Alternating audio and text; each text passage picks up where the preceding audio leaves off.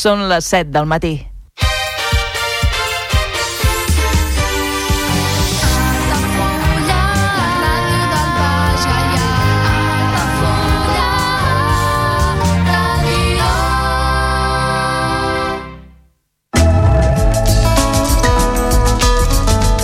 L'agenda Altafulla Ràdio.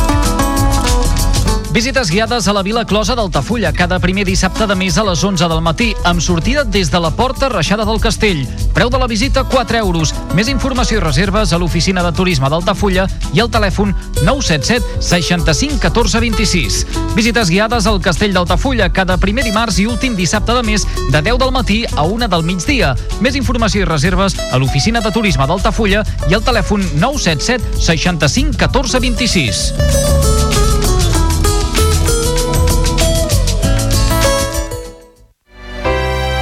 Comunions 2024. Dates ja disponibles amb sales privades, jardí, pàrquing privat i la millor gastronomia. Més informació i reserves al 977 65 11 55 i a comercial arroba altafullamarotel.com o al web altafullamarotel.com. Les teves celebracions familiars a l'Altafulla Mar Hotel. Ja coneixes les propostes que t'ofereix el Club Marítim Altafulla? Vine i descobreix totes les nostres activitats. Sortides en caiac o pa del surf, cursos de vela per a totes les edats. No t'ho perdis. Club Marítim Altafulla. Obert tot l'any i per a tothom.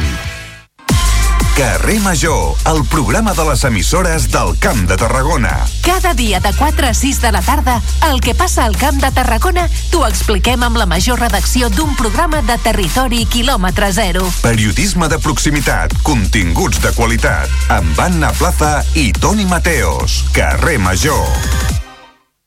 En cas d'accident químic, practica l'efecte bombolla. Quan hi hagi un accident que pugui afectar la població, sonaran les sirenes i rebràs un missatge al mòbil. Per la teva seguretat, caldrà que et confinis immediatament. A casa, a l'edifici més proper o a l'escola. Tanca les portes i les finestres. Abaixa les persianes i apaga els sistemes de climatització. L'efecte bombolla et protegirà. Generalitat de Catalunya. Sempre endavant. Al meu país la pluja no sap ploure. El canvi climàtic asseca els rius, posa en risc l'abastament d'aigua i la producció d'aliments. Treballem per fer front a la sequera i garantir l'aigua, però cal l'esforç de tothom. Cada gota compte. La pluja no la controles, l'aixeta sí. Generalitat de Catalunya, sempre endavant. El meu pare va marxar, el van cridar files, jo tenia tres mesos i ja no el van tornar a veure mai més.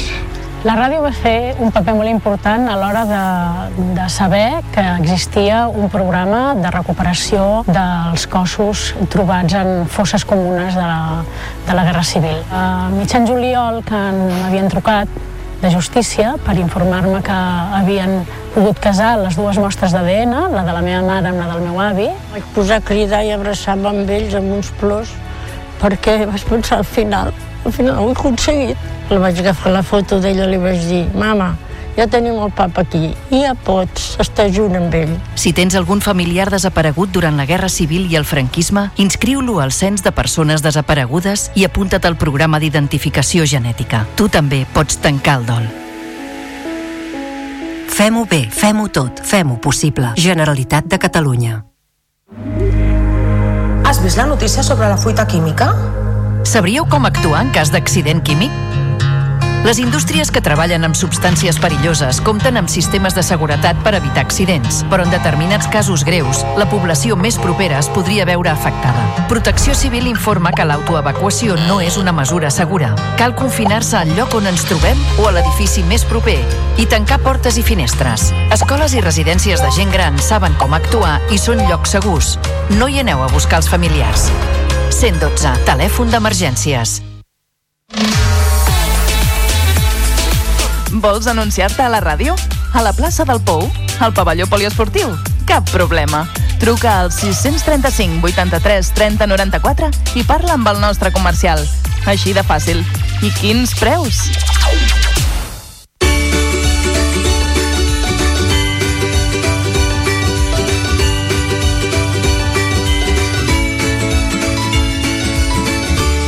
Altafulla Ràdio. Bones festes!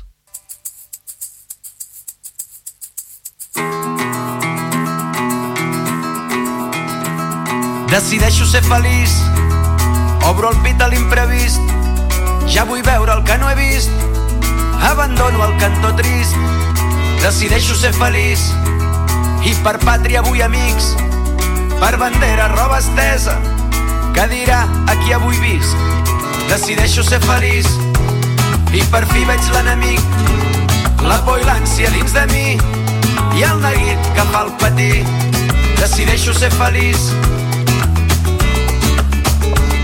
i el tresor més gran és allò que visc. I anem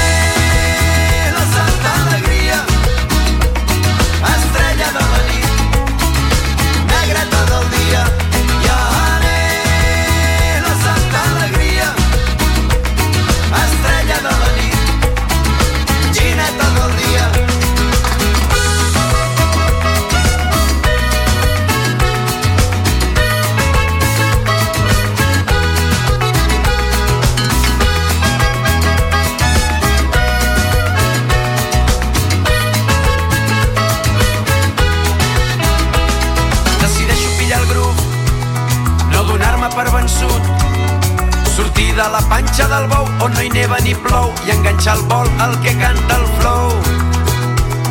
M'arrossega l'aquí i l'ara, ja no sento la desgana, trobo la rumba en la sardana, decideixo pillar el grup, abandono el cantó brusc, deixo que entri la melodia, que siguin un la nit i el dia, decideixo ser feliç,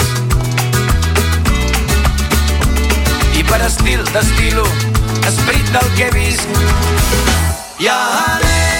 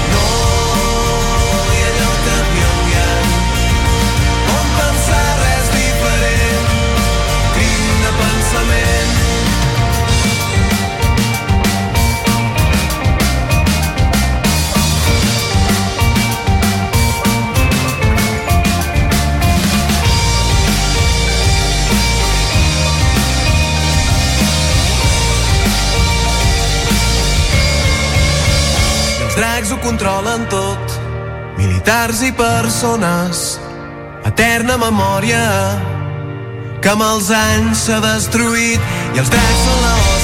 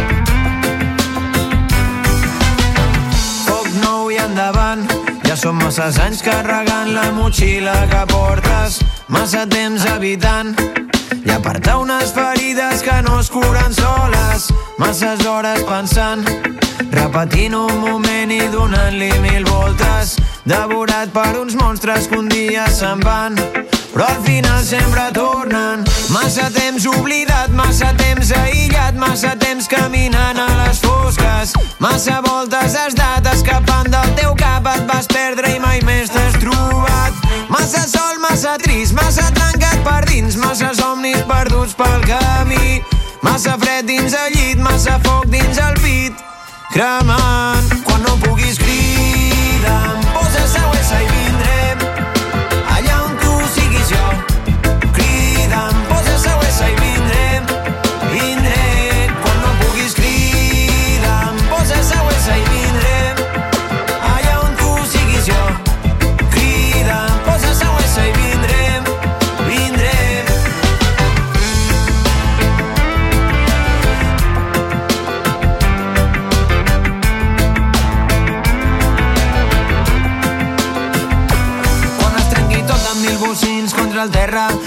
Fer costat quan la vida es posi negra.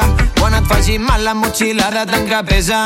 Quan no puguis més només posa SOS Quan et vessi el got i t'inundi la pena. Vindré a fer costat quan la vida et faci merda. Saps que quan et faci mal la motxilla de tancar pesa. Quan no puguis més només quan es trenqui tot amb mil bocins contra el terra vindrà a fer costat quan la vida es posi negra.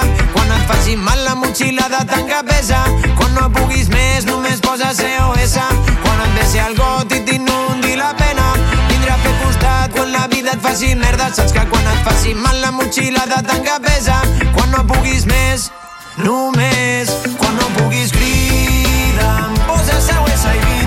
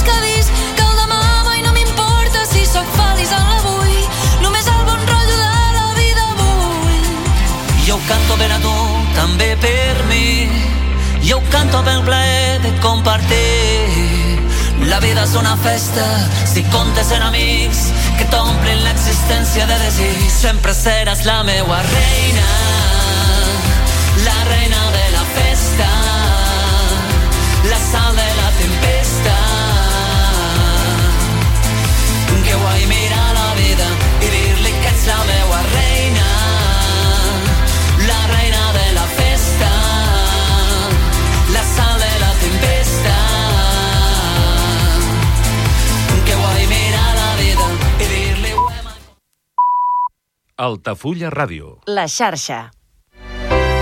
Comunions 2024. Dates ja disponibles amb sales privades, jardí, pàrquing privat i la millor gastronomia. Més informació i reserves al 977 65 11 55 i a comercial arroba altafullamarotel.com o al web altafullamarotel.com. Les teves celebracions familiars a l'Altafulla Mar Hotel. Ja coneixes les propostes que t'ofereix el Club Marítim Altafulla? Vine i descobreix totes les nostres activitats. Sortides en caiac o pa del surf, cursos de vela per a totes les edats. No t'ho perdis. Club Marítim Altafulla. Obert tot l'any i per a tothom. Carrer Major, el programa de les emissores del Camp de Tarragona. Cada dia de 4 a 6 de la tarda, el que passa al Camp de Tarragona t'ho expliquem amb la major redacció d'un programa de territori quilòmetre zero. Periodisme de proximitat, continguts de qualitat, amb Anna Plaza i Toni Mateos. Carrer Major. En cas d'accident químic, practica l'efecte bombolla. Quan hi hagi un accident que pugui afectar la població, sonaran les sirenes i rebràs un missatge al mòbil. Per la teva seguretat, caldrà que et confinis immediatament. A casa, a l'edifici més proper o a l'escola.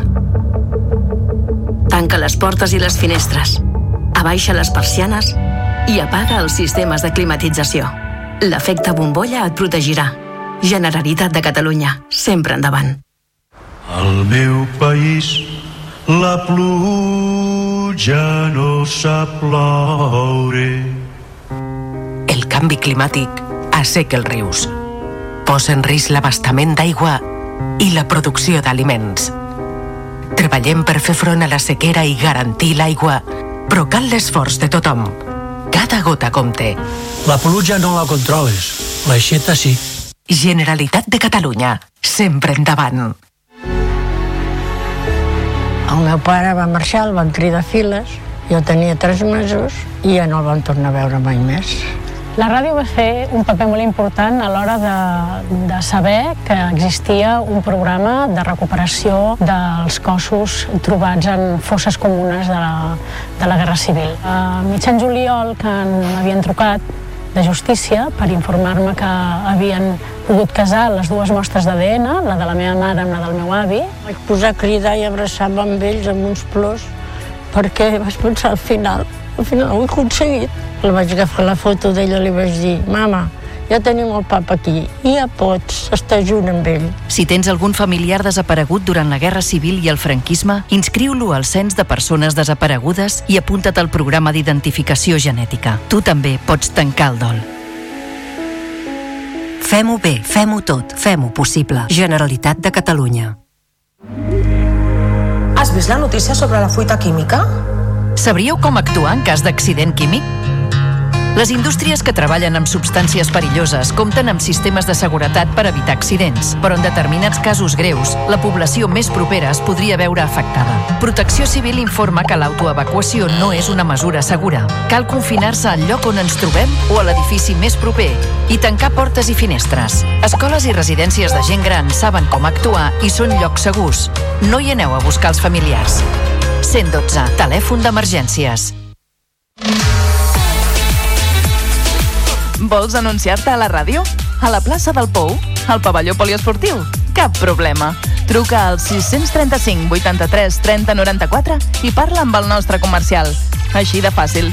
I quins preus?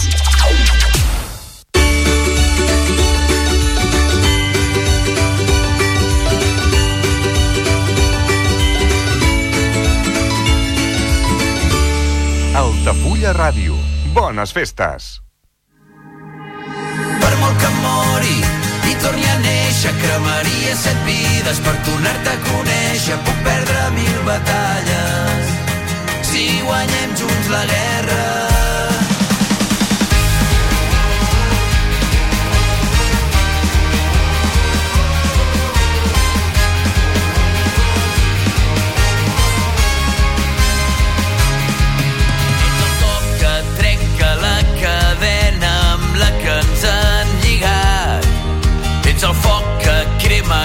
tanta pena que inunda la ciutat.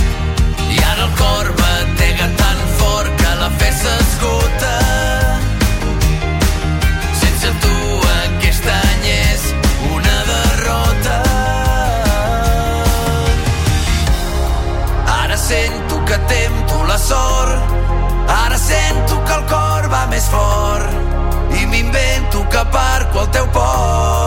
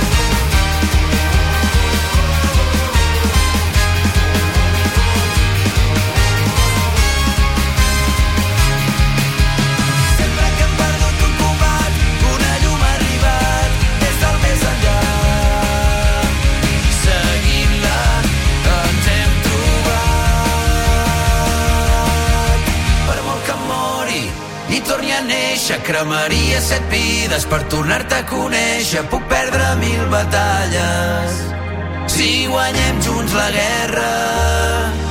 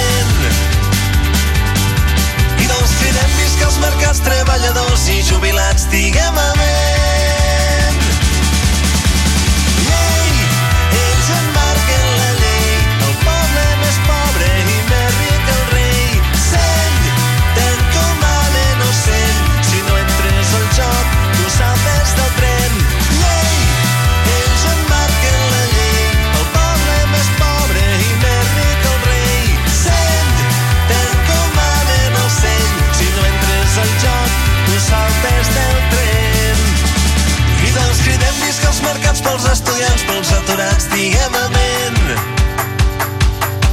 I doncs cridem visca els mercats treballadors i jubilats, diguem amén.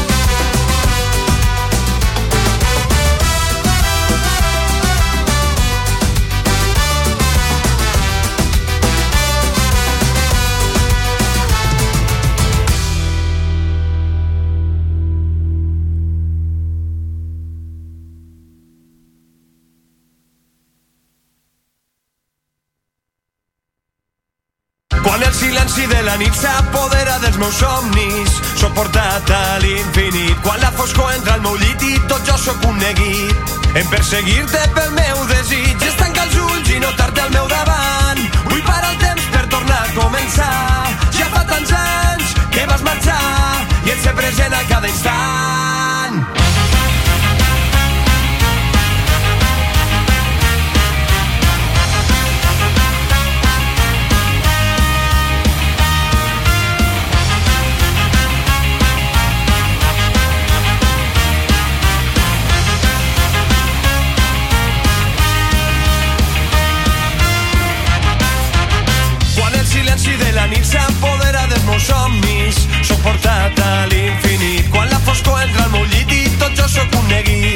en perseguir-te pel meu desig. És tancar els ulls i notar-te al meu davant. Vull parar el temps per tornar a començar. Ja fa tants anys que vas marxar i et sé present a cada instant.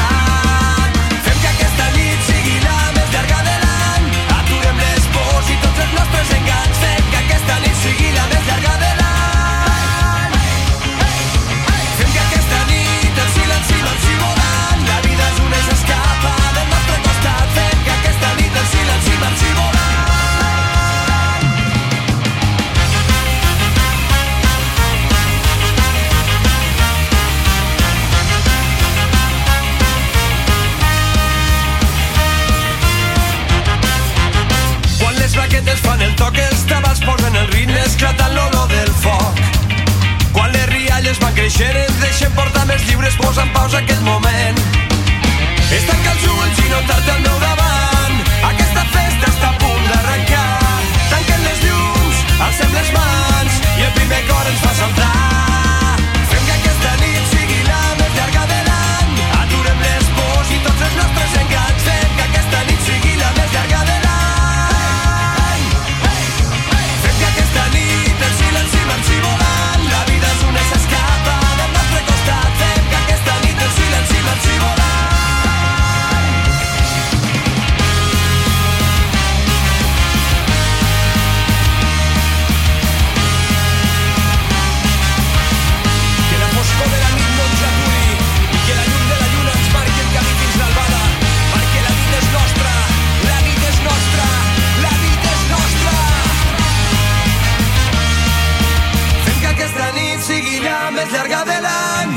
Aturem les pors i tots els nostres engans. Fem que aquesta nit sigui la més llarga de l'any.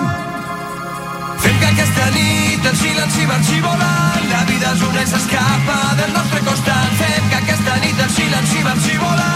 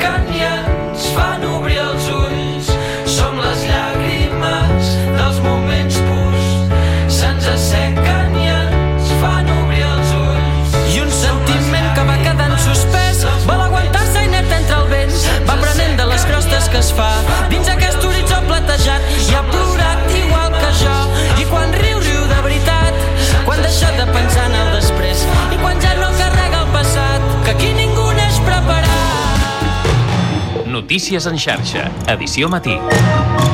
Amb Helena Puigdueta.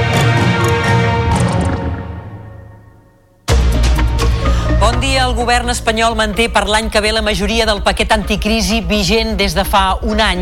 Això implica la gratuïtat de rodalies i mitja distància i la bonificació existent al transport públic. També es prorroga l'IVA superreduït als aliments bàsics i la prohibició de desnonar vulnerables. Però, per contra, s'acabaran de manera gradual els descomptes a l'energia. Així encapçalem el Notícies en xarxa d'aquest dijous 28 de desembre, tot i que al punt de les 8 del matí repassem altres titulars de la jornada. El Consell de Ministres també ha prorrogat els impostos extraordinaris a la banca i a les companyies energètiques per l'escalada del preu de la llum i els tipus d'interès. La intenció del govern espanyol és que un cop revisada l'any que ve, la mesura acabi esdevenint permanent. Dues persones han mort en les darreres hores en dos accidents de trànsit i eleven a 148 les víctimes mortals a la carretera d'aquest any a Catalunya. Una persona ha perdut la vida en el xoc frontal entre dos camions a la Nacional 260 a la Seu d'Urgell i un motorista ha mort quan ha topat amb un turisme a l'AP7 al Papiol. Dels esports, nova derrota del Barça a la Lliga ACB de bàsquet va caure davant el segon classificat, l'Unicaja, per 91 a 71 i perd la tercera posició. La baixa anotació i les pèrdues de pilota van condemnar els blaugranes que ja acumulen 6 derrotes en els 11 partits disputats aquest desembre. I en cultura, Reus tanca l'any Domènec i Montaner amb una cinquantena d'activitats i més de 25.000 visitants. Després de la commemoració del centenari de la mort de l'arquitecte a la ciutat, la capital del Baix Camp se sumarà a partir del gener als actes de record del pintor Marià Fortuny.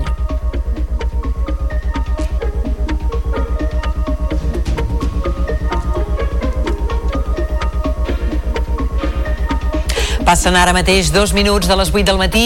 Volem saber quin temps ens espera de cara a les properes hores. Per això li demanem, li preguntem en Sergi Càrceles. Bon dia, Sergi. Molt bon dia. Estem gaudint ja de petits canvis aquest eh, dijous. Ja des de primeres hores del matí comencen a aparèixer alguns núvols, sobretot al Pirineu. De fet, s'espera que avui tinguem un dia una miqueta més rúfol, almenys a la tarda. Això sí, al matí encara gaudim d'aquestes boires, sobretot a la zona del Segrià, que aniran desapareixent a partir de meitats de matí i migdia. Temperatures mínimes que avui estan sent molt fredes, sobretot a les Terres de l'Ebre, també pel sector de Lleida, mínimes que són inferiors als 0 graus. Un cop surti el sol ja notarem com aquestes temperatures van pujant. I per aquesta tarda esperarem un ambient molt més ennuvolat, sobretot a les terres de Ponent i també a la Catalunya central, encara que aquesta franja de núvols acabarà arribant també a la costa, amb unes temperatures màximes que avui seran una mica més fresques. Doncs ara acabarem de completar la pàgina dels serveis eh, sabent eh, com se circula aquesta hora per la xarxa viària catalana. Connectem amb el Servei Català de Trànsit i amb la Sílvia de l'Amo. Molt bon dia, Sílvia. Hola, bon dia, Helena. Doncs a situació viària en aquests moments eh, hem de demanar prudència per boira densa a la 2 entre Soses i Vilagràs. És un tram d'uns 60 quilòmetres i en el cas de la P2 entre Castelldans i Juneda, on a banda està a la velocitat màxima permesa reduïda a 80 km per hora. La resta de vies i l'entorn metropolità de moment se circula sense incidències. Això és tot. Bon dia. Notícies en xarxa, edició matí.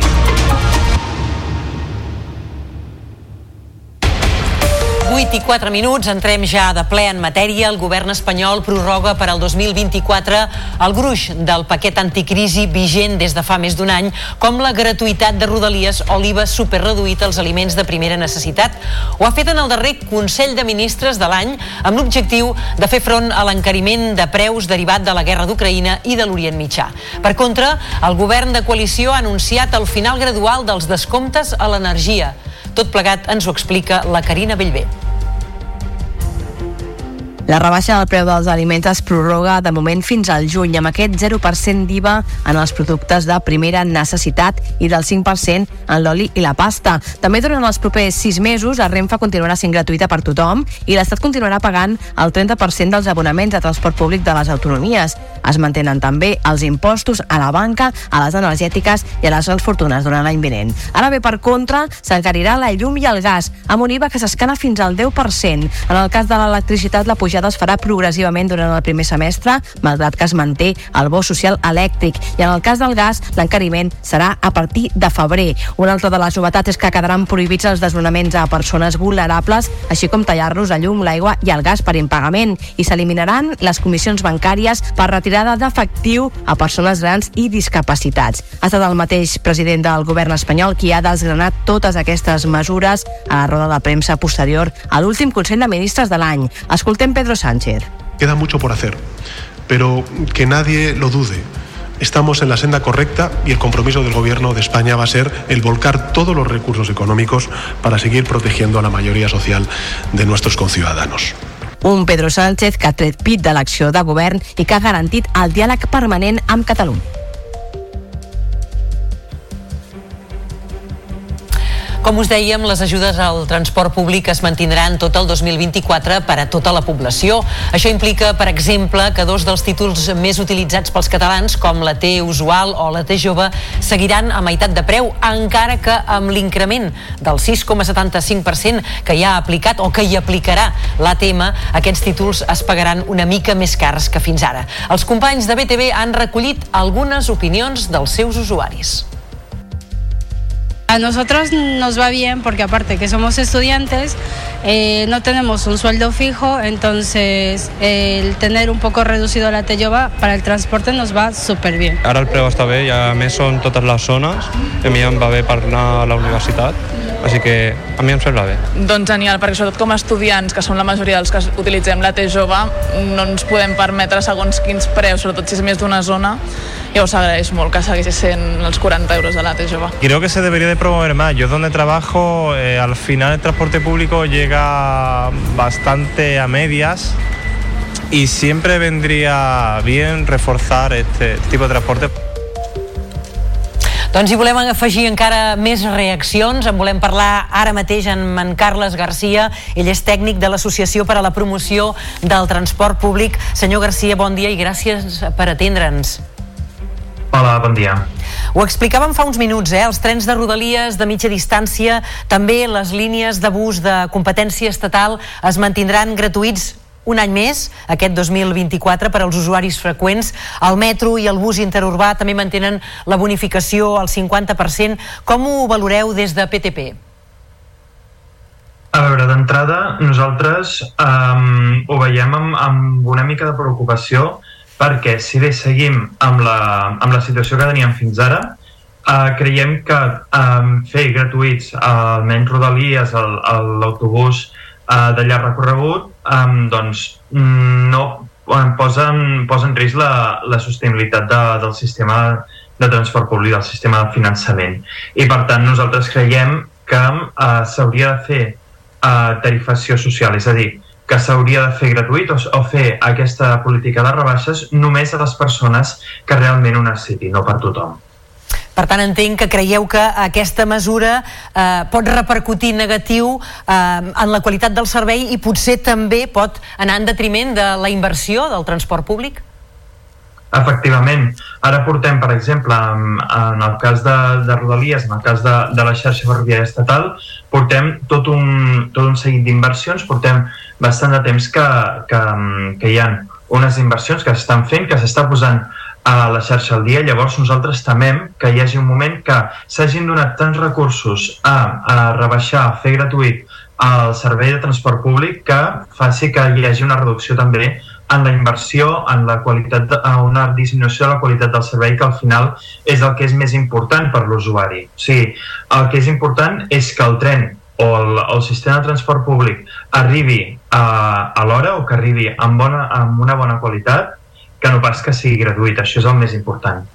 De tota manera, escoltàvem ara els usuaris uh, i em concreto més potser en el que fa el metro i el, i el, i el bus i l'autobús interurbà uh, que estaven satisfets de que es mantenia aquest abonament del 50%, el 30% que fa l'Estat i el 20% que en teoria fa, en aquest cas l'ATM o fins i tot algunes administracions locals i autonòmiques.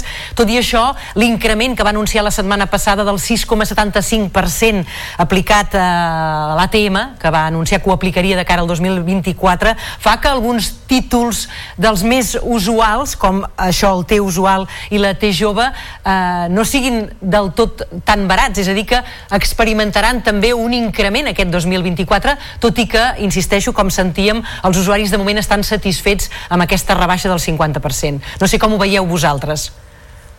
A veure, aquest augment del, del 6,75% és lògic perquè al final doncs, hi ha hagut una disminució de, dels ingressos pel transport públic, ja no només per, el, per la política aquesta de, de rebaixes, sinó també doncs, durant la Covid, eh, al haver-hi menys usuaris i al mantenir el mateix servei, doncs també hi ha hagut una reducció de, dels ingressos. Llavors, aquest augment del 6,75 es pot entendre, però fa que recaigui tota aquesta responsabilitat d'aquesta reducció de, de les tarifes, d'aquesta reducció del finançament sobre els usuaris. Nosaltres creiem que està bé eh, mantenir doncs, aquests, eh, aquesta política de descomptes, sobretot per col·lectius vulnerables, com, com ja he comentat, eh, però que hauríem de començar a pensar en altres mètodes de millorar el finançament del transport públic. És a dir, buscar un finançament creuat. Això passaria doncs, en una major fiscalitat per, per als carburants, per, tant, tant pels avions com també pels, per, doncs, a través dels cotxes, a través del, del peatge urbà o, per, o amb, altres, amb altres mesures. Doncs Carles Garcia, tècnic de l'Associació per a la Promoció del Transport Públic, li agraïm també la seva opinió, el seu parer, aquesta forma didàctica d'explicar-nos el per què tampoc és tan positiu com sembla aquest eh, manteniment d'aquesta pròrroga d'aquests preus eh, eh, gratuïts o en algun cas bonificats. Gràcies doncs i bon dia, que vagi molt bé. D'acord, moltes gràcies, bon dia. Nosaltres no deixem encara el Monader perquè els quatre peatges de la Generalitat s'encariran al voltant del 3% a partir del 2024, segons recull el diari oficial de la Generalitat en la seva publicació d'aquest dimecres. La pujada més important, a partir de l'1 de gener, serà la de la C16, el tram entre Sant Cugat, Terrassa i Manresa, que augmentarà un 3,5%. Els peatges del túnel del Cadí, el de Vallvidrera i el de la C32, l'increment de les tarifes serà del 3,33%. Un exemple és que s'hauran d'abonar poc més de 5 euros per creuar els túnels de Vallvidrera en hora punta. I tot plegat en un context mundial on l'economia creixerà menys aquest any vinent. Així ho explica l'informe elaborat per Foment del Treball que preveu una desacceleració econòmica sobretot a Europa. La notícia positiva, però, és la contenció de la inflació per al pròxim any. Una contenció que afavorirà a la baixada dels tipus d'interès que poden reduir-se al segon semestre del 2024. Foment de Treball preveu una desacceleració econòmica al pròxim 2024. Europa veurà com la seva economia creix més lentament, mentre que els Estats Units i Xina veuran un creixement major. Les previsions apunten que el creixement a Europa serà de l'1,7 i a Espanya de l'1,6 el pròxim any. Una frenada del creixement que no s'ha de confondre amb una recessió, ja que l'economia continuarà creixent de forma més moderada. Salvador Guillermo és director d'Estudis i Economia de Foment. que l'economia mundial eh, es constata un procés d'acceleració, que no de recessió, eh? vol dir que creix menys, que la velocitat de creixement és molt més baixa, eh, fent que el que portem d'any el creixement es situa al 2,4, però l'any que ve estaríem parlant d'una forquilla entre l'1,6 i l'1,7, eh, segons que agafem les previsions del Banc d'Espanya o de la Comissió Europea. D'altra banda, refreda la inflació amb un registre del 2,4% al novembre. En aquest context, l'informe indica que la política monetària mantindrà els tipus d'interès de referència en nivells elevats a mesura que es consoliden les expectatives de reducció de la inflació. S'espera que els tipus comencen a reduir-se en la segona meitat del 2024. I a tot això també us expliquem que les empreses catalanes han captat més de 1.130 milions d'euros dels fons Next Generations des del 2021. Aquest és el balanç que ha fet aquest dimecres el Departament d'Empresa i Treball. Segons les dades publicades pel govern, gairebé un 90% de les empreses catalanes beneficiàries són petites i mitjanes empreses, un fet molt important pel conseller Roger Torrent, que destaca que és clau que els fons Next Generation arribin al nucli dur del teixit empresarial de Catalunya que són precisament les pimes. Som conscients de que els Next Generation eh, són una palanca importantíssima per aconseguir eh, una major competitivitat de les nostres empreses, la capacitat de fer el salt tecnològic, d'incorporar totes aquelles eh, disrupcions i totes aquelles transicions necessàries per ser molt competitius, més competitius en un entorn canviant com el que estem vivint, en definitiva, que és una palanca eh, fonamental per la reindustrialització de Catalunya. Un quart de nou, el govern espanyol ha decidit situar l'exministra de Transports i Agenda Urbana Raquel Sánchez al capdavant de Paradores, la cadena estatal d'establiments hotelers. L'exalcaldessa de Gavà va sortir del govern espanyol després de la investidura de Pedro Sánchez al mes de novembre, moment en el qual el president va decidir situar al capdavant de la política d'infraestructures el dirigent socialista Òscar Puente.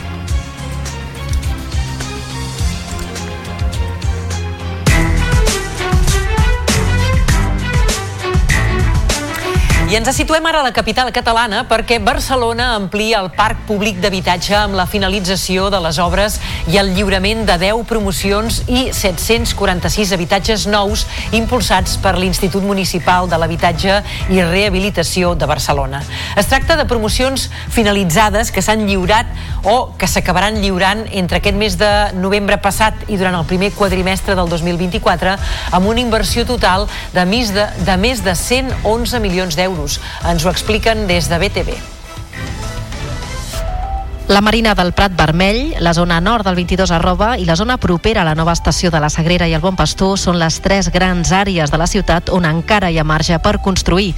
A Cal Cisó, a la Marina del Prat Vermell, les famílies dels 108 habitatges de lloguer social van rebre les claus dijous passat i aquests dies comencen a instal·lar-se als pisos nous. L'Ajuntament ha invertit 18,5 milions d'euros en aquests tres blocs acabats de fer, Gràcies a un canvi de planejament del 2006, aquest sol ha passat de ser industrial a convertir-se en un nou veïnat del districte de Sant Montjuïc.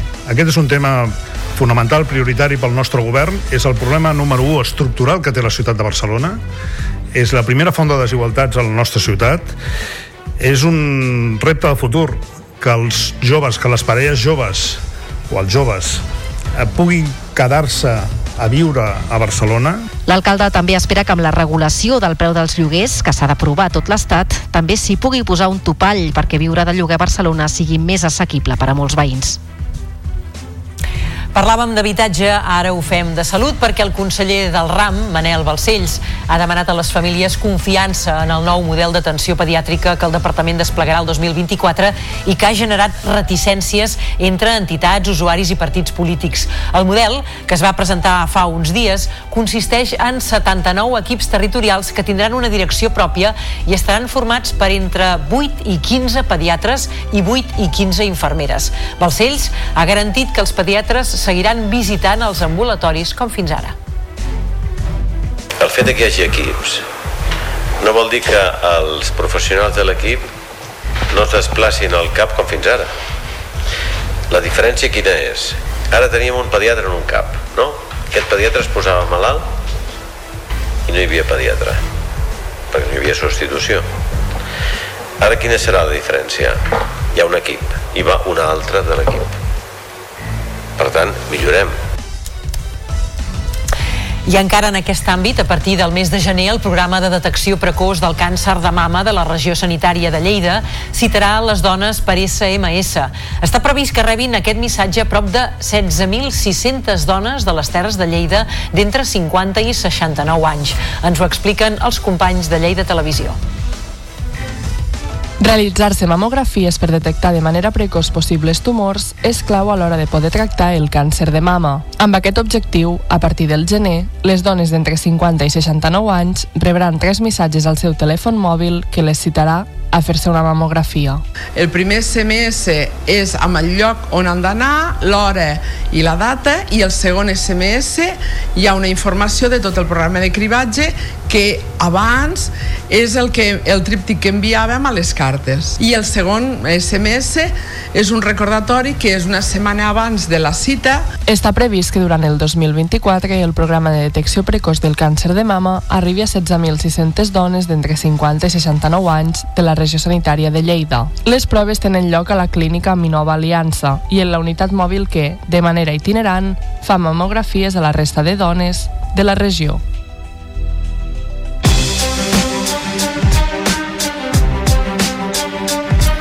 Us ho hem destacat en titulars, dues persones han mort en les darreres hores en dos accidents de trànsit i eleven a 148 les víctimes mortals a la carretera d'aquest any a Catalunya. Un motorista ha perdut la vida en un xoc amb un turisme a l'AP7 al Papiol en sentit Tarragona, mentre que una altra persona ha mort en el xoc frontal entre dos camions a la Nacional 260 a la Seu d'Urgell. Per causes que s'investiguen, els dos vehicles han topat de cara i fruit de l'impacte, un d'aquests vehicles ha acabat volcant i el seu conductor ha mort. El conductor del segon camió ha quedat atrapat i els bombers l'han hagut d'excarcerar mecànicament. Ha resultat ferit greu i ha estat traslladat a l'Hospital Vall d'Hebron.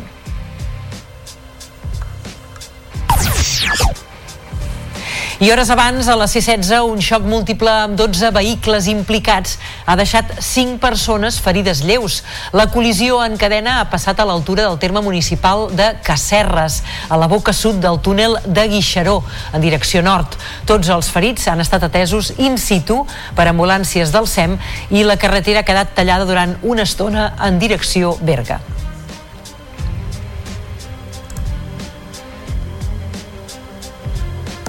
I abans dels esports us expliquem que els bombers de la Generalitat treballen des de les 5 d'aquest matí en un incendi forestal a Sant Hilari Sacalm, a la selva. El foc crema en baixa intensitat sota bosc i alguna capçada. Hi ha 8 dotacions treballant en un perímetre d'uns 3.000 metres quadrats.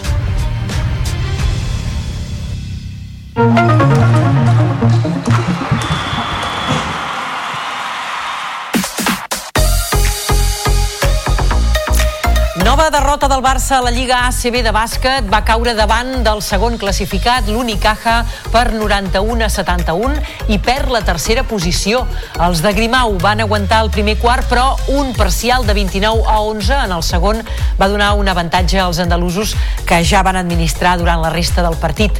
La baixa anotació i les pèrdues de pilota fins a 21 van condemnar l'equip que acumula 6 derrotes en els 11 partits disputats aquest desembre. L'entrenador blaugrana, Roger Grimau, analitzava els errors comesos. cuando dejamos de estar acertados o de, de, mover bien el balón y nos venimos un poco abajo demasiado. Y luego ya pues cuesta mucho y contra un gran equipo como, como es Unicaja y el empuje uh, minuto tras minuto que no paran en 40 minutos pues, pues se penaliza mucho. I l'Espart Girona ha presentat el nou entrenador Roberto Íñiguez, el tècnic basc, que estava lliure des que va deixar el Mersin a l'octubre, debutarà demà en el duel català que les gironines jugaran a la pista del Cadí la Seu. Serà la seva segona experiència a la banqueta de Fontejau després d'haver-hi entrenat l'any 2015, quan va guanyar la Lliga amb l'Uni. Íñiguez explica que, malgrat haver decidit descansar un temps, no va poder refusar l'oferta. Fue rápido y, tomé la decisión de venir. Y tomé la decisión de venir. Bueno, no quiero hablar ni de dinero, ni si no es por dinero, por dinero, eso es lo de menos. Porque lo más importante para mí es que tomé la decisión de venir porque, porque yo fui, fui súper afortunado y súper feliz de, del tiempo que viví aquí. I en futbol, Vitor Roque ja és a Barcelona. El brasiler, primer reforç blaugrana del mercat d'hivern, va viure una primera jornada plena de compromisos. Va visitar Montjuïc, la ciutat esportiva, i va passar la revisió mèdica. Demà es posarà les ordres de Xavi en el primer entrenament i podria debutar en la propera jornada de Lliga, d'aquí a una setmana, al camp de Les Palmes. El davanter de 18 anys ocupa la fitxa de Gavi lesionat i signarà contracte fins al 2031 amb una clàusula de 500 milions milions d'euros. Procuro aprender o máximo com, com todo o grupo, é desfrutar, é sempre ter gana, gana de, de querer todo o tempo a bola, vitórias, é sempre vontade, vontade de ganhar o máximo, é tudo que, que é possível e procuro ajudar ao máximo o clube. L'operació de genoll d'Alexia Putelles va anar bé, però l'artroscòpia no va revelar cap lesió nova. La capitana blaugrana va passar pel quiròfan per intentar trobar solució a les molèsties que la mantenen apartada dels terrenys de joc des de fa un mes i mig. És el mateix genoll en el qual la temporada passada va patir el trencament del lligament encreuat. El club no ha especificat quin serà el temps de baixa a partir d'ara.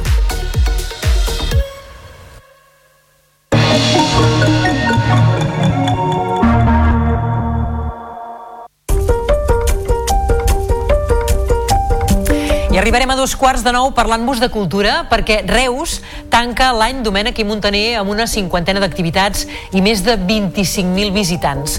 Els magatzems de la Casa Gasull de Reus, edifici construït per l'arquitecte l'any 1911, han estat l'escenari escollit per posar el punt final a la commemoració dels 100 anys de la seva mort. L'empremta indiscutible de Domènec i Montaner a la capital del Baix Camp perviu també amb altres exemples del modernisme com la Casa Navàs, la Casa Rull o l'Institut Pere Mata. La presidenta de la Diputació de Tarragona, Noemí Llaurador, ha destacat la importància cultural i econòmica d'aquests actes que tindran un nou exponent el 2026 amb el centenari de la mort d'Antoni Gaudí. Aquest any també ens ha de servir per continuar posicionant-nos i per tornar doncs, a reivindicar-nos com a ciutat amb, amb aquesta riquesa. Aquesta acció de la commemoració de l'any Domènec i Montaner és una de les més importants que hem tingut com a projecció exterior de, de ciutat, tant a nivell d'impacte turístic com també a nivell d'impacte eh, econòmic. I per tant hem de continuar doncs, en aquesta mateixa línia. I avui, 28 de desembre, és el dia dels Sants Innocents i la vigília és tradició que se celebri a Balaguer la foguera dels Innocents. La plaça Mercadal ha estat escenari de l'espectacle i en Gerard Díaz, de Balaguer Televisió, no se l'ha volgut perdre.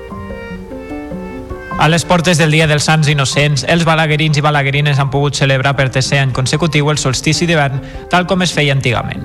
La foguera dels innocents és una tradició que està documentada als inicis del segle XX, quan després de Nadal es portava la soca per encendre una gran foguera i repartir les cendres pels camps. Aquests personatges que formen part de l'imaginari de la campanya de Nadal a Reixos han aparegut aquest vespre a la plaça Mercadal amb tot un espectacle pirotècnic dels diables bèsties ferèstegues i amb el ritme del grup de percussió Van del Pal. La finalitat d'aquesta festa de la, de la Foguera dels Innocents era quan s'acabaven les soques, després de que la canalla, els soques el dia de Nadal que les cagaven, agafaven aquests troncs no? i els cremaven i era una miqueteta aquesta finalitat que es volia dir, la dels carboners i a la mateixa vegada doncs, també aprofitaven aquesta llenya doncs, pel carbó els carboners, a més, seran els encarregats de repartir el carbó produït en aquesta foguera el pròxim 5 de gener durant la nit de Reixos. I el Patxa Xiu Xiu ja ha arribat a Terrassa, ho feia puntualment ahir a les 6 de la tarda a l'estació del Nord amb el tren que procedia de l'Orient. Fins al 5 de gener recorrerà tots els districtes per recollir la correspondència dels infants.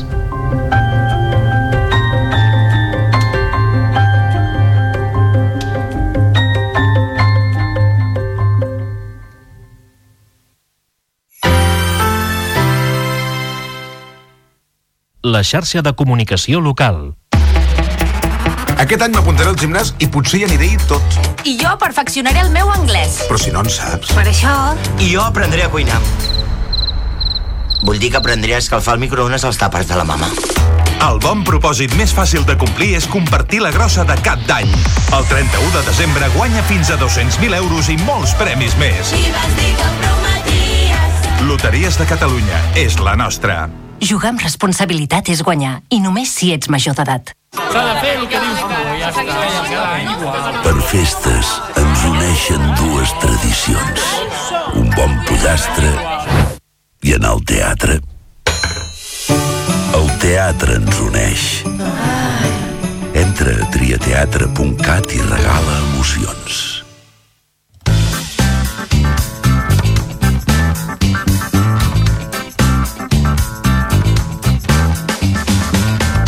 Sabies que... Segons una investigació, els gats reconeixen la veu del seu amo però no reaccionen a ella malgrat tot. És la conclusió a què va arribar un grup d'investigadors japonesos després de realitzar experiments amb 20 gats domèstics. En ells van reproduir gravacions dels amos dels gats cridant a les seves mascotes. També van reproduir gravacions de tres estranys que cridaven als gats, fent servir les mateixes paraules que els amos. Si bé els gats van mostrar una resposta significativament més gran quan els seus amos els van cridar pels seus noms, que davant dels estranys que van fer el mateix no es van molestar a aixecar-se en cap dels dos casos.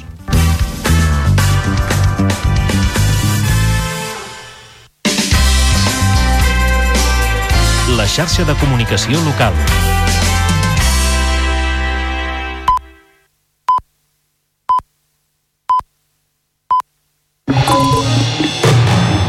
Notícies en xarxa, edició matí.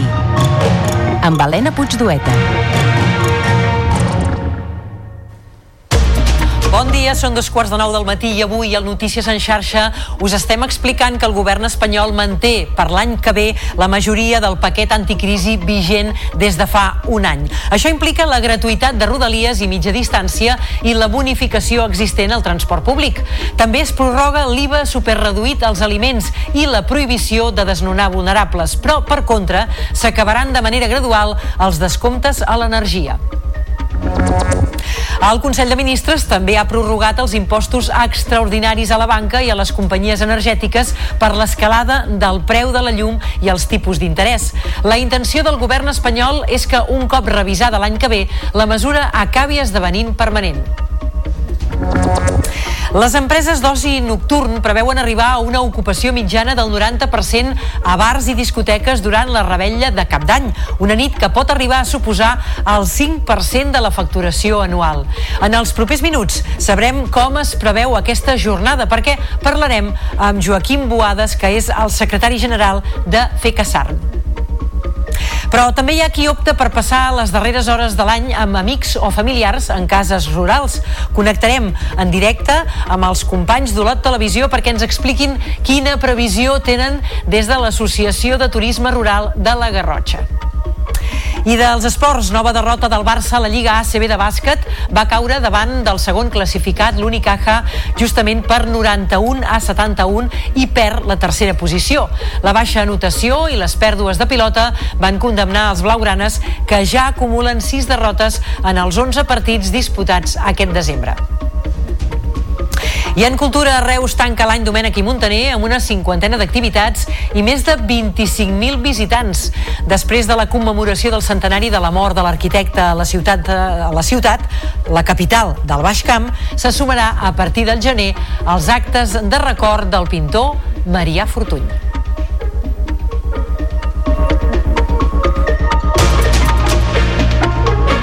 Notícies en xarxa, edició matí.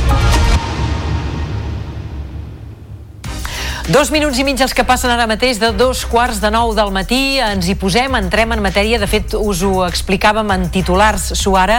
El govern espanyol prorroga per al 2024 el gruix del paquet anticrisi vigent des de fa més d'un any, com la gratuïtat de Rodalies o l'IVA super reduït als aliments de primera necessitat. Ho ha fet en el darrer Consell de Ministres de l'any, amb l'objectiu de fer front a l'encariment de preus derivat de la guerra d'Ucraïna i de l'Orient Mitjà. Per contra, el govern de coalició ha anunciat el final gradual dels descomptes a l'energia. Ens ho amplia la Carina Bellver. La rebaixa del preu dels aliments es prorroga de moment fins al juny amb aquest 0% d'IVA en els productes de primera necessitat i del 5% en l'oli i la pasta. També durant els propers 6 mesos la Renfe continuarà sent gratuïta per tothom i l'Estat continuarà pagant el 30% dels abonaments de transport públic de les autonomies. Es mantenen també els impostos a la banca, a les energètiques i a les grans fortunes durant l'any vinent. Ara bé, per contra, s'encarirà la llum i el gas amb un IVA que s'escana fins al 10%. En el cas de l'electricitat, la pujada pujada es farà progressivament durant el primer semestre, malgrat que es manté el bo social elèctric. I en el cas del gas, l'encariment serà a partir de febrer. Una altra de les novetats és que quedaran prohibits els desnonaments a persones vulnerables, així com tallar-los a llum, l'aigua i el gas per impagament. I s'eliminaran les comissions bancàries per retirada d'efectiu a persones grans i discapacitats. Ha estat el mateix president del govern espanyol qui ha desgranat totes aquestes mesures a la roda de premsa posterior a l'últim Consell de Ministres de l'any. Escoltem Pedro Sánchez. Queda mucho por hacer, pero que nadie lo dude. Estamos en la senda correcta y el compromiso del Gobierno de España va a ser el volcar todos los recursos económicos para seguir protegiendo a la mayoría social de nuestros conciudadanos. Un Pedro Sánchez que ha tret pit de l'acció de govern i que ha garantit el diàleg permanent amb Catalunya. Com us dèiem, les ajudes al transport públic es mantindran tot el 2024 per a tota la població. Això implica, per exemple, que dos dels títols més utilitzats pels catalans, com la T usual o la T jove, seguiran a meitat de preu, encara que cal tenir-ho en compte amb l'increment del 6,75% que ja ha aplicat l'ATM, aquests títols es pagaran aquest 2024 una mica més cars que fins ara. Amb tot, Carles Garcia, tècnic de l'Associació per a la Promoció del Transport Públic, creu que mantenir mantenir aquestes bonificacions pot acabar repercutint en la qualitat del servei.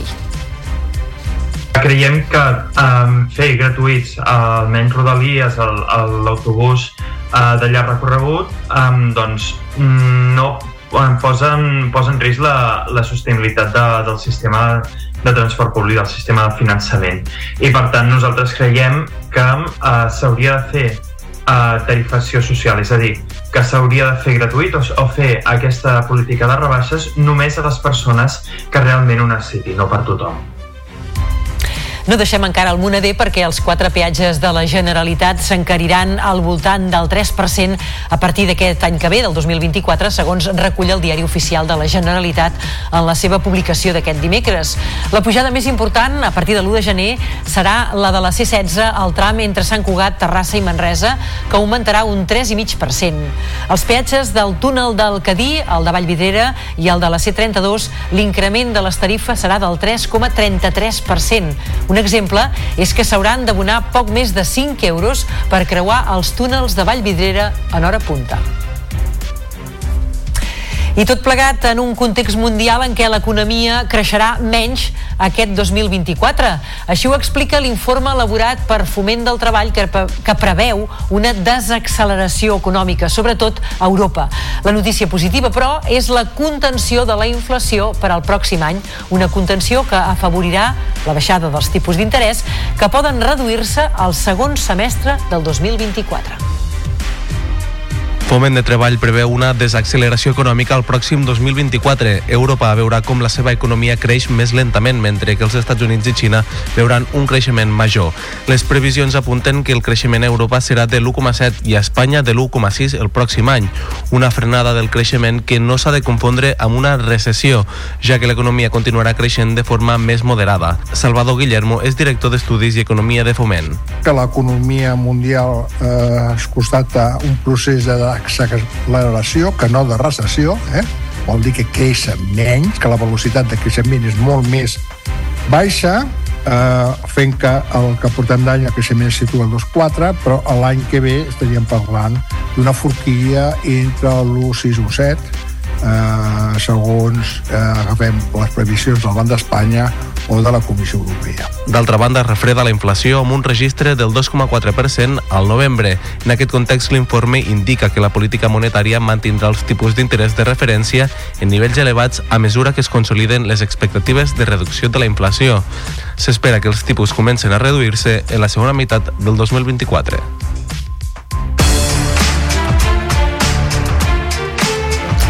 Ja fa dies que els locals d'oci nocturn es preparen arreu del país per celebrar el Cap d'Any, una de les nits més importants pel sector. Segons càlculs de FECASARM, la Federació Catalana d'Associacions d'Activitats de Restauració i Musicals, aquesta nit pot arribar a suposar el 5% de la facturació anual. Hores d'ara, el sector català ja porta venudes més del 60% de les entrades disponibles per Cap d'Any i preveu arribar a una ocupació mitjana del 90% a pubs i discoteques l'última nit de l'any. Ho comentem tot plegat amb en Joaquim Boades, ell és el secretari general justament de FECASARM. Bon dia, senyor Boades, i gràcies per atendre'ns. Hola, bon dia. No sé si esteu contents, és una bona xifra aquesta del 60% d'entrades ja venudes i d'arribar al 90% l'última nit. A què ho atribuïu, en tot cas, aquesta bona marxa de la venda d'entrades? Sí, evidentment, estem satisfets, eh, tot i que ara ja estem sobre el 70-75%. O sigui, hi ha locals que fins i tot estan a punt de penjar el cartell de sold out. Crec que això arribarà ja demà. Hi ha locals que ja demà ja no tindran entrades disponibles. I el bon ritme de venda online de manera anticipada doncs es deu una mica al, a una cosa que és l'única cosa positiva que va deixar la pandèmia, no? que la gent es va acostumar a comprar online i per tant hi ha molta més activitat de compra d'entrades online de manera anticipada ara que no hi havia pas abans de la pandèmia el 2019. No? Per tant, això, doncs, sumat a les ganes que té la gent de sortir de festa en el seu local preferit, doncs, evidentment això fa doncs, que el ritme d'entrades estigui, estigui avançant molt bé, la veritat. Senyor Boades, quines són les festes que tenen més requesta i quines són les zones on s'espera més afluència de públic a nivell geogràfic? Bé, a veure, si tenim en compte ara mateix el volum de venda d'entrades anticipades, podríem dir que Barcelona capital està liderant la, la venda d'entrades anticipades. També és veritat que la resta de capitals ja sigui Tarragona, Girona i Lleida també estan eh, a uns nivells bastant alts i després també localitats de costa que, doncs, que no treballen des de l'estiu de forma continuada doncs sí que també estan eh, venent a un ritme també força important. No? Per tant, és una mica arreu de Catalunya, jo crec que s'arribarà al 90% més o menys de mitjana i per tant això vol dir que la gran majoria de locals assoliran el, el 100%, no? com he dit que molts ja aquest cap de setmana ja no tindran entrades, per tant eh, divendres pot ser que ja pengin el cartell de, de sold out. Senyor Boades, recordo que en, en, en edicions anteriors, en cap d'anys anteriors, una de les denúncies que fèieu des del sector eren les festes alternatives, les festes il·legals. No sé aquest any, tenint en compte que d'alguna manera la pandèmia ja ha fet història, si això ja s'ha tornat una mica al seu curs habitual, ja no n'hi han tantes o no n'hi han, o com ho teniu i si heu presentat ja algun tipus de denúncia als Mossos d'Esquadra en aquest sentit. Bé, la veritat és que n'hem detectat menys que anys anteriors i per tant això és una bona notícia no? ja siguin activitats que es desenvolupen espais no dissenyats a tal efecte per recollir aquest tipus d'activitats recreatives musicals ja siguin doncs, poliesportius i altres eh, establiments on es fan activitats que es poden dir de caràcter extraordinari, per tant serien activitats legals, tot i que nosaltres el que demanem és que hi hagi una supervisió de les mesures de seguretat i que es compleixin les mateixes normatives que nosaltres complim les 365 nits de l'any.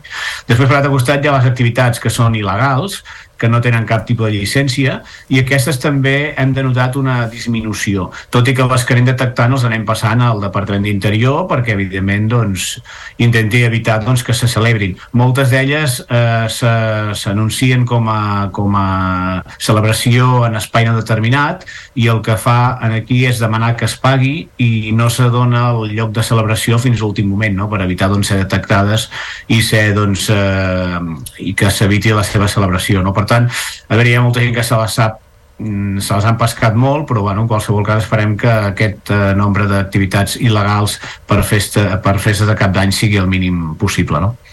I abans d'acabar no em puc estar de fer-li una pregunta sobre la queixa que ha fet pública la Federació Catalana d'Oci Nocturn sobre les inspeccions que el consistori va efectuar dimecres passat als locals del districte de Sant Martí de Barcelona. Denuncien literalment la persecució del sector i les qualifiquen d'abusives i desproporcionades. No sé si en el vostre cas això també ho heu patit, si estaríeu d'acord o no. Bé, nosaltres ens vam reunir recentment amb l'Ajuntament de Barcelona, amb el senyor Albert Batlle, després del nostre Congrés Internacional d'Oci Nocturn, i la veritat que tenim una, una bona col·laboració amb l'Ajuntament. Vam tenir una reunió amb l'exalcaldessa de la nit de Nova York, a la, que, a la que vam portar a l'Ajuntament de Barcelona, i el que creiem és que Barcelona el que necessita és una figura semblant a aquesta oficina de la nit, aquest alcalde de la nit, perquè aquestes polítiques no siguin coercitives, sinó que siguin polítiques constructives i de treballar conjuntament, ajuntament amb, amb sector. No? I per tant, nosaltres aboguem per aquesta política constructiva i que no sigui coercitiva i en qualsevol cas doncs, seguim treballant amb l'Ajuntament de Barcelona per assolir aquesta fita, que Barcelona sigui la primera ciutat d'Espanya a tenir aquesta figura d'alcalde de, de la nit o aquesta oficina dedicada exclusivament a la nit, com ja va eh, incorporant el seu eh, programa electoral el senyor Collboni eh, quan es va presentar a alcalde de Barcelona. No? Jo crec que és quelcom molt important que es pugui portar a terme i que Barcelona sigui la primera d'Espanya en aconseguir-ho. Joaquim Boada, secretari general de FECASARM, bon dia, gràcies per atendre'ns un dia més i en tot cas que assoleixin aquest cap d'any l'èxit que esperen, que vagi molt bé. Moltes gràcies, igualment, bon any nou. Doncs més enllà de les festes populars o dels sopars i rebelles a les discoteques, n'hi ha que opten per celebrar el cap d'any amb amics o famílies en una casa rural. Un any més aquesta opció és de les que té més requesta, de les més demandades, i ja fa dies que aquest tipus d'establiment ha arribat gairebé al 100% d'ocupació i es fa difícil hores d'ara trobar alguna plaça lliure. És el cas de les comarques que concentren més places d'aquestes característiques, com per exemple l'Alta Noia, el Berguedà, el Solsonès, Osona o també la Garrotxa. Doncs marxem cap allà per tenir-ne més detalls. Marxem en concret cap a Sant Feliu de Pallarols amb Pere Ubach i Gerard Puigdemont d'Olot Televisió. Bon dia, Gerard. És així? Té èxit això de les cases rurals aquest any també? Doncs sí, Helena, bon dia. Hem d'explicar això que deies, no? Sobretot a les comarques de la Catalunya central i les comarques interior, les que no són estrictament de muntanya ni tampoc de mar, són les que tenen més requesta, podríem dir, en aquest tipus d'allotjaments per aquestes dates, eh, en aquest cas pel cap d'any. De fet, estem a Sant Feliu de Pallarols i podem parlar amb una persona, amb un membre de l'Associació de Turisme Rural de la Garrotxa, amb Fèlix Castanyer. Fèlix, bon dia. Hola, molt bon dia. Bones previsions, no?, per aquest cap d'any a les cases rurals de la comarca. Sí, sí, un any més eh, són dates ara per cap d'any que estan molt sol·licitades i més i més són dates eh, sol·licitades amb molta i molta antelació. Uh, de quin tant per cent podríem estar parlant d'ocupació, més o menys? Bueno, avui per avui podria dir que no, ara mateix no trobaràs cap, cap casa rural aquí a la Garrotxa disponible per, per fer aquest tipus de celebració o, o trobada per cap d'any, eh? està tot, tot, tot ple. Es segueix doncs, la dinàmica també de l'any passat, que ja va ser en aquest sentit, i explicaves també que fins i tot per Nadal ja vau tenir força, força gent, no? Sí, la veritat és que, bueno, tant el, el Nadal com, com el Cap d'Any eh, el producte que podem oferir nosaltres com, com, bueno, com a Casa Rural, com a espai per, per trobades, per celebracions, doncs està, està molt demanat, no, no? i tant, tant el Nadal com el Cap d'Any et diria que aquí a la Garrotxa hem estat al 100%. Quin és el perfil de, de visitant de persones que venen a, a les cases rurals aquí a la comarca? Bueno, eh, per Nadal et diria que és un tipus molt familiar. Són, bueno, jo entenc que són famílies que busquen un espai eh, per retrobar-se, ja que bueno, moltes vegades són un grup més nombrós i la gent poder a casa no té espais i llavors per cap d'any poder és més un client doncs bueno, tot, tot és d'aquí la Garrotxa ai, perdona, tot d'aquí Catalunya però és un, potser més, eh, més trobades de, més festives per celebrar doncs, el cap d'any.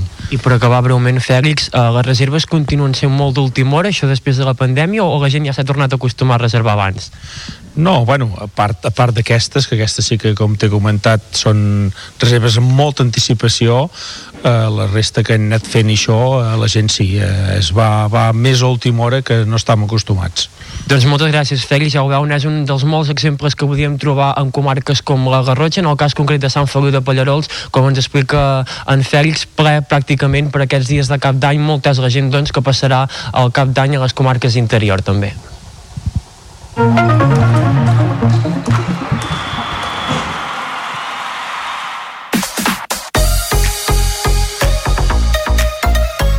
Passen dos minuts de tres quarts de nou del matí. Abordem ara la crònica esportiva amb aquesta nova derrota del Barça a la Lliga ACB de bàsquet. Va caure davant el segon classificat, l'Unicaja, per 91 a 71 i perd la tercera posició. Els de Grimau van aguantar el primer quart, però un parcial de 29 a 11 en el segon va donar un avantatge als andalusos que ja van administrar durant la resta del partit. La baixa anotació i les pèrdues de pilota fins a 21 van condemnar l'equip que acumula 6 derrotes derrotes en els 11 partits disputats aquest desembre. L'entrenador blaugrana, Roger Grimau, analitzava els errors comesos. cuando dejamos de estar acertados o de, de, mover bien el balón y nos venimos un poco abajo demasiado. Y luego ya pues cuesta mucho y contra un gran equipo como, como es Unicaja y el empuje uh, minuto tras minuto que no paran en 40 minutos pues, pues se penaliza mucho. L'Espar Girona ha presentat el nou entrenador Roberto Íñiguez. El tècnic basc, que estava lliure des que va deixar el Mercín a l'octubre, debutarà demà en el duel català que les gironines jugaran a la pista del Cadillaceu. Serà la seva segona experiència a la banqueta de Fontejau després d'haver-hi entrenat l'any 2015 quan va guanyar la Lliga amb l'Uni. Íñiguez explica que, malgrat haver decidit descansar un temps, no va poder refusar l'oferta.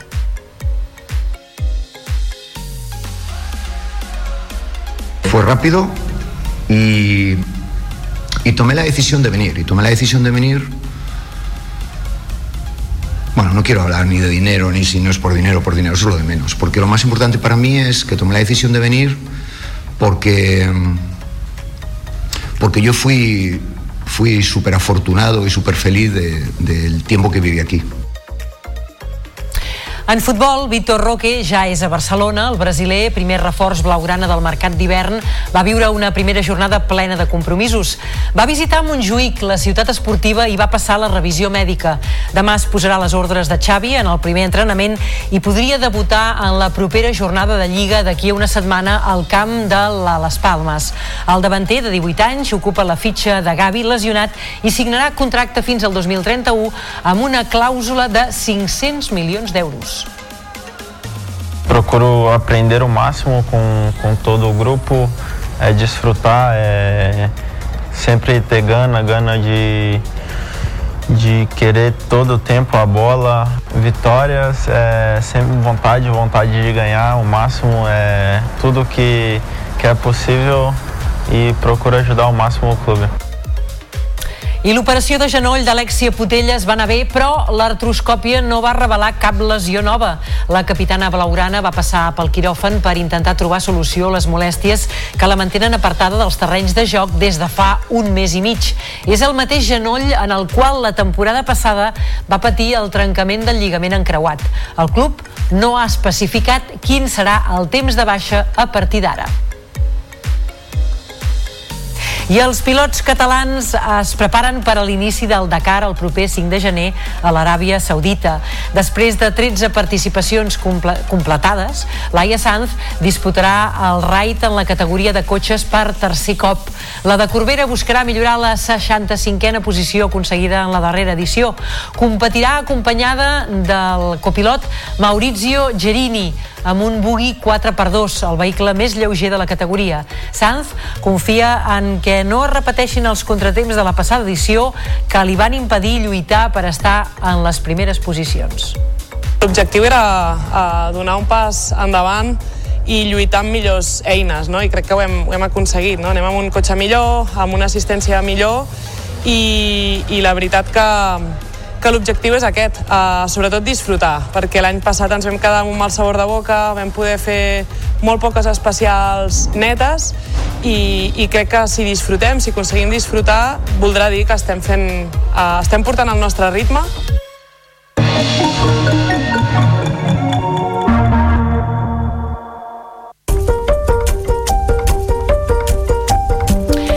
Reus tanca l'any Domènec i Montaner amb una cinquantena d'activitats i més de 25.000 visitants.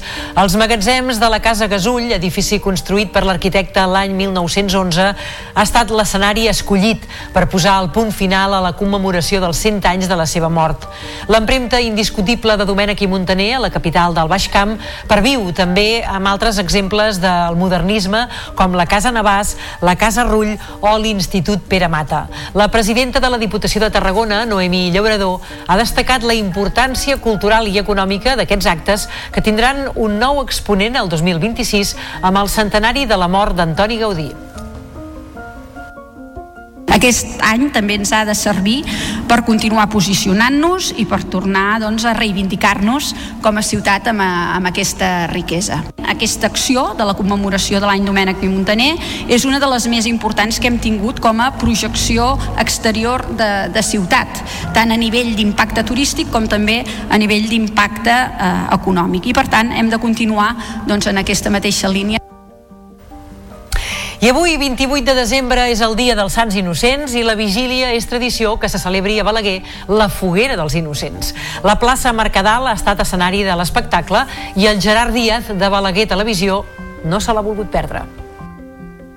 A les portes del Dia dels Sants Innocents, els balaguerins i balaguerines han pogut celebrar per tercer any consecutiu el solstici d'hivern, tal com es feia antigament. La foguera dels innocents és una tradició que està documentada als inicis del segle XX, quan després de Nadal es portava la soca per encendre una gran foguera i repartir les cendres pels camps.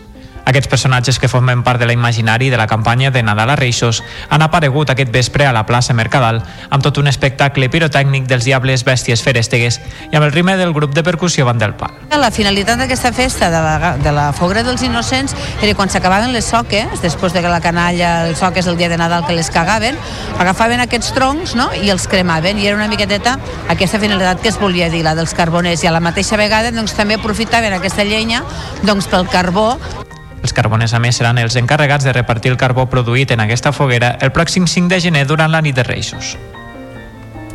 I el Patxa Xiu Xiu ja ha arribat a Terrassa, ho feia puntualment ahir a les 6 de la tarda a l'estació del Nord amb el tren que procedia de l'Orient. A les portes de l'estació el Patja ja va recollir les primeres cartes adreçades a ses majestats, als Reis Mags, i de fet això és el que ha fet al llarg de tot el recorregut que ha efectuat per la ciutat. Fins al 5 de gener recorrerà tots els districtes per recollir la correspondència dels infants. El Patxa Xiu Xiu viatja a Terrassa des de l'any 1951 i al llarg d'aquests 72 anys s'ha fet un lloc en el cor i els sentiments dels milers de nens i nenes de Terrassa.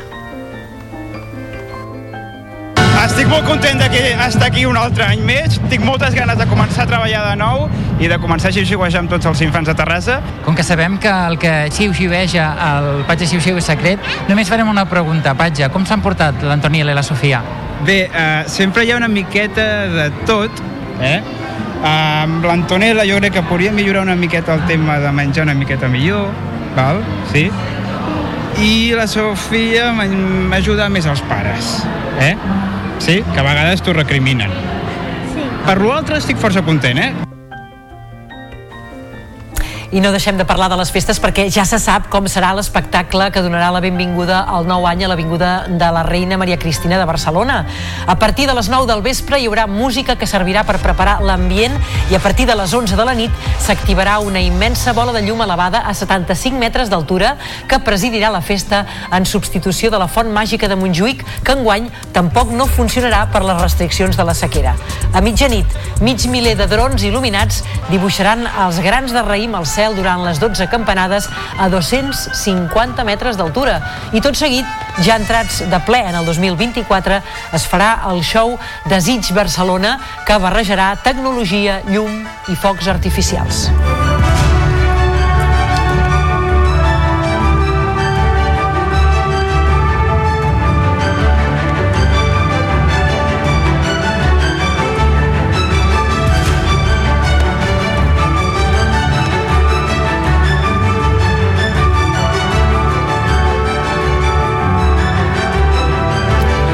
Doncs amb aquesta, d'aquesta manera marxem avui. Compte amb les innocentades i amb les llufes a l'esquena. Que vagi bé el dia. Adéu-siau.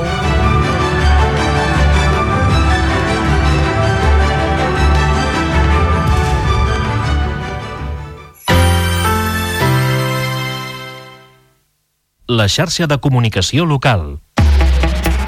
Aquest any m'apuntaré al gimnàs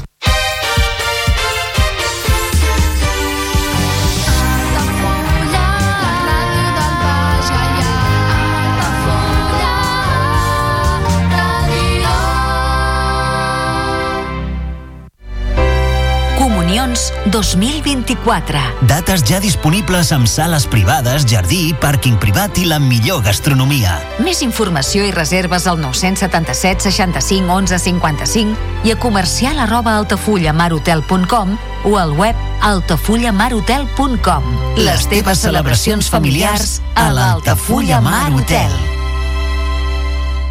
Ja coneixes les propostes que t'ofereix el Club Marítim Altafulla? Vine i descobreix totes les nostres activitats. Sortides en caiac o pa del surf, cursos de vela per a totes les edats. No t'ho perdis. Club Marítim Altafulla. Obert tot l'any i per a tothom. Carrer Major, el programa de les emissores del Camp de Tarragona. Cada dia de 4 a 6 de la tarda, el que passa al Camp de Tarragona t'ho expliquem amb la major redacció d'un programa de territori quilòmetre zero. Periodisme de proximitat, continguts de qualitat, amb Anna Plaza i Toni Mateos. Carrer Major. Al meu país la pluja no sap ploure. Canvi climàtic asseca els rius, posa en risc l'abastament d'aigua i la producció d'aliments. Treballem per fer front a la sequera i garantir l'aigua, però cal l'esforç de tothom. Cada gota compte. La pluja no la controles, l'aixeta sí. Generalitat de Catalunya, sempre endavant. Ara he entès que és massa lluny de mi, que em quedaré mig fer, que no arribaré mai. Allà on volia. Ara he entès que és massa lluny de mi, que em quedaré mig fer, que no arribaré mai. Allà on volia. Ara entès que és massa lluny de mi,